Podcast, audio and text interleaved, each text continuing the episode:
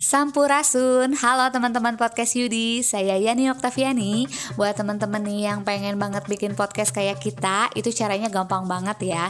Teman-teman tinggal download aplikasi Anchor.fm Di situ teman-teman bisa langsung bikin podcast Bisa juga langsung proses editing Dan yang paling penting bisa langsung didistribusikan ke Spotify atau platform mana pun. Aplikasi Anchor.fm 100% gratis loh. Makanya yuk download download aplikasi Anchor.fm sekarang juga. Pagi-pagi nih teman-teman podcast Yudi udah pasti ya sibuk atau ribet banget kalau kita harus uh, keluar ya entah itu kerja atau misalkan sekolah atau nganterin anak sekolah atau bahkan ke pasar. Itu pagi-pagi tuh ribet banget sama keadaan lalu lintas di jalanan ya. Banyak banget polisi lalu lintas yang hilir mudik orang-orang yang uh, jalan sini jalan situ pokoknya semuanya ribet banget. Dan nih buat teman-teman podcast Yudi nih hati-hati karena akan ada uh, tilang manual ya atau atau e, elektronik juga gitu. Pokoknya tilang akan diberlakukan kembali. Nah seperti apa infonya? Bersama saya Yani Oktaviani di Samba sekian menit bareng Yani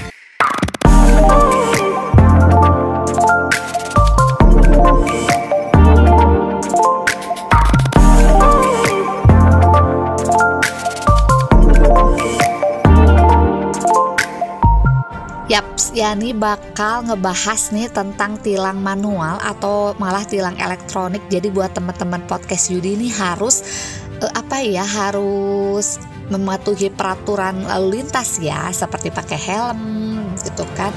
Terus juga harus punya surat-surat penting ya kayak STNK-nya, terus juga SIM-nya itu oh, udah penting banget. Kalau enggak nih teman-teman podcast jadi bakal ditilang loh. Dan ini ada info nih dari Jakarta kompas.com. Larangan tilang manual akan segera diberlakukan oleh seluruh jajaran Korps Lalu Lintas atau Korlantas Polri. Nah, namun kebijakan ini juga perlu diikuti dengan penyempurnaan sistem gitu. Jadi kebijakan pelarangan tilang secara manual diambil untuk mengefektifkan sistem ETLE. Nah, ETLE ini elektronik traffic law enforcement gitu kan ya. Selain itu dapat juga menghindari penyalahgunaan wewenang oknum uh, yang bertugas gitu ya atau petugas yang berkaitan dengan pungutan liar atau pungli gitu. Jadi sekarang uh, sistemnya tilang tuh kita meng, uh, apa ya katanya Polrinya menggunakan uh, CCTV ya gitu kan. Nah, ini kata Budianto nih pengamat masalah transportasi ya mengatakan nih ETLE sudah diberlakukan oleh hampir seluruh Polda di wilayah Indonesia bahkan untuk Polda Metro Jaya sudah sejak tahun 2018 gitu. Dan Budianto juga menambahkan adanya kebijakan akan mengefektifkan ETLE ini perlu diapresiasi. Namun yang menjadi masalah tersendiri adalah jumlah CCTV-nya ya yang terkoneksi dengan ETLE masih relatif terbatas katanya dibandingkan dengan panjangnya jalan di Indonesia gitu. Karena kan setahu sendiri Indonesia itu dari kota satu ke kota lainnya dari daerah satu ke daerah lainnya tuh luas jalanannya panjang gitu kan. Makanya Indonesia tuh paling nggak bisa ya kalau nggak pakai kendaraan sendiri. Makanya jalannya macet karena e, daerahnya jauh-jauh gitu kan. Dari daerah satu ke daerah lainnya tuh butuh waktu yang lama gitu. Dan katanya untuk e, CCTV ini untuk apa untuk menambahkan salah satu dari apa, programnya ETLE ini atau tilang manual elektronik ini gitu kan dibutuhkan CCTV yang banyak gitu malahan kalau misalkan semuanya jalanan pakai CCTV itu mungkin ya banyak menghabiskan dana lah gitu ya Nah, bagaimana dengan ruas penggajalan yang belum terpasang CCTV EETLE namun jumlah pelanggaran yang relatif masih cukup tinggi. Nah, gitu dengan adanya kebijakan ini, momentum untuk mengeks eh, apa ya, mengakselerasi dan mengembangkan sistem ETLE dengan model yang lain ya katanya ya gitu. Jadi Budianto ini menambahkan perkembangan sistem ETLE yang sekarang ini sudah mobile ya dan akan menggunakan drone masih bisa dibenarkan dari aspek hukum asalkan alat tersebut dapat menghasilkan gambar yang eh, bagus ya, yang valid disertai dengan sistem pengawasan yang kuat gitu. Dan menurut sistem ETLE dengan pemasangan CCTV statis per titik simpang memerlukan beberapa kamera dan anggaran yang cukup tinggi. Itu katanya tuh kan ya.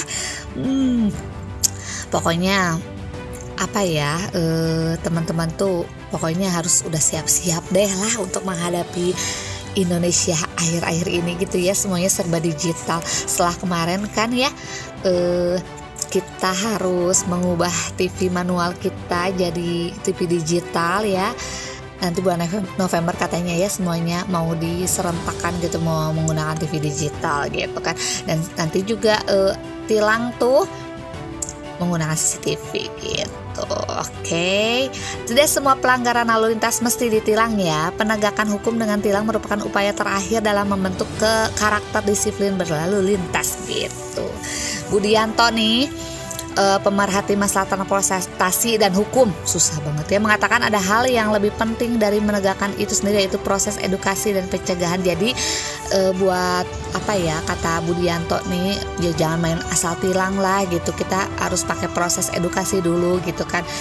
Uh, tapi gimana ya kalau misalkan orang-orang Indonesia-nya membandel gitu ya memang tidak mempunyai SIM dan tidak pakai helm ya memang harus wajib tilang ya gitu ya pokoknya buat teman-teman podcast Yudi di mana pun kalian hmm, apa ya e, berada nih misalkan yang suka pergi berjalan apalagi e, apa ya emang kerjaannya hari-harinya kan di jalan gitu ya itu udah wajib banget menggunakan e, apa maksudnya harus mengikuti peraturan lalu lintas gitu ya dengan menggunakan helm terus juga membawa surat-surat lengkap ya kayak SIM, STNK-nya juga komplit, pajaknya juga harus mulai dibayar. Nah, itu dia.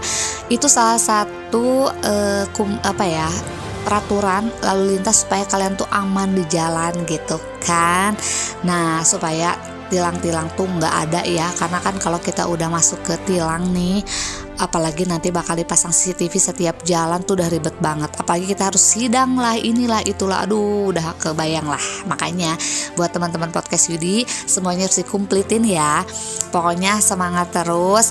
Jangan takut nih kalau misalkan kita aduh sekarang ada tilang elektronik nih atau enggak dipasang CCTV di setiap jalan. Jangan takut karena kita kan mematuhi peraturan e, Indonesia ya. Kita mengikuti eh semua aturannya jadi nggak akan pernah takut untuk uh, apa ya untuk terus di jalan lah intinya kayak gitulah ya pokoknya.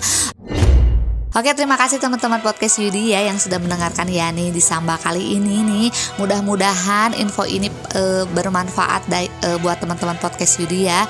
Supaya apa ya supaya jadi pelajaran juga nih ya supaya kita tuh aman sejahtera gitu ya tetap dengarkan kami di Spotify atau di platform mana saja dan jangan lupa follow IG kami di @podcastyudi ya dan buat teman-teman yang pengen uh, saweran sama kita boleh banget ya di traktir.id slash podcast Yudi Yani pamit Marki cap Marki bread mari kita cabut mari kita mabret bye bye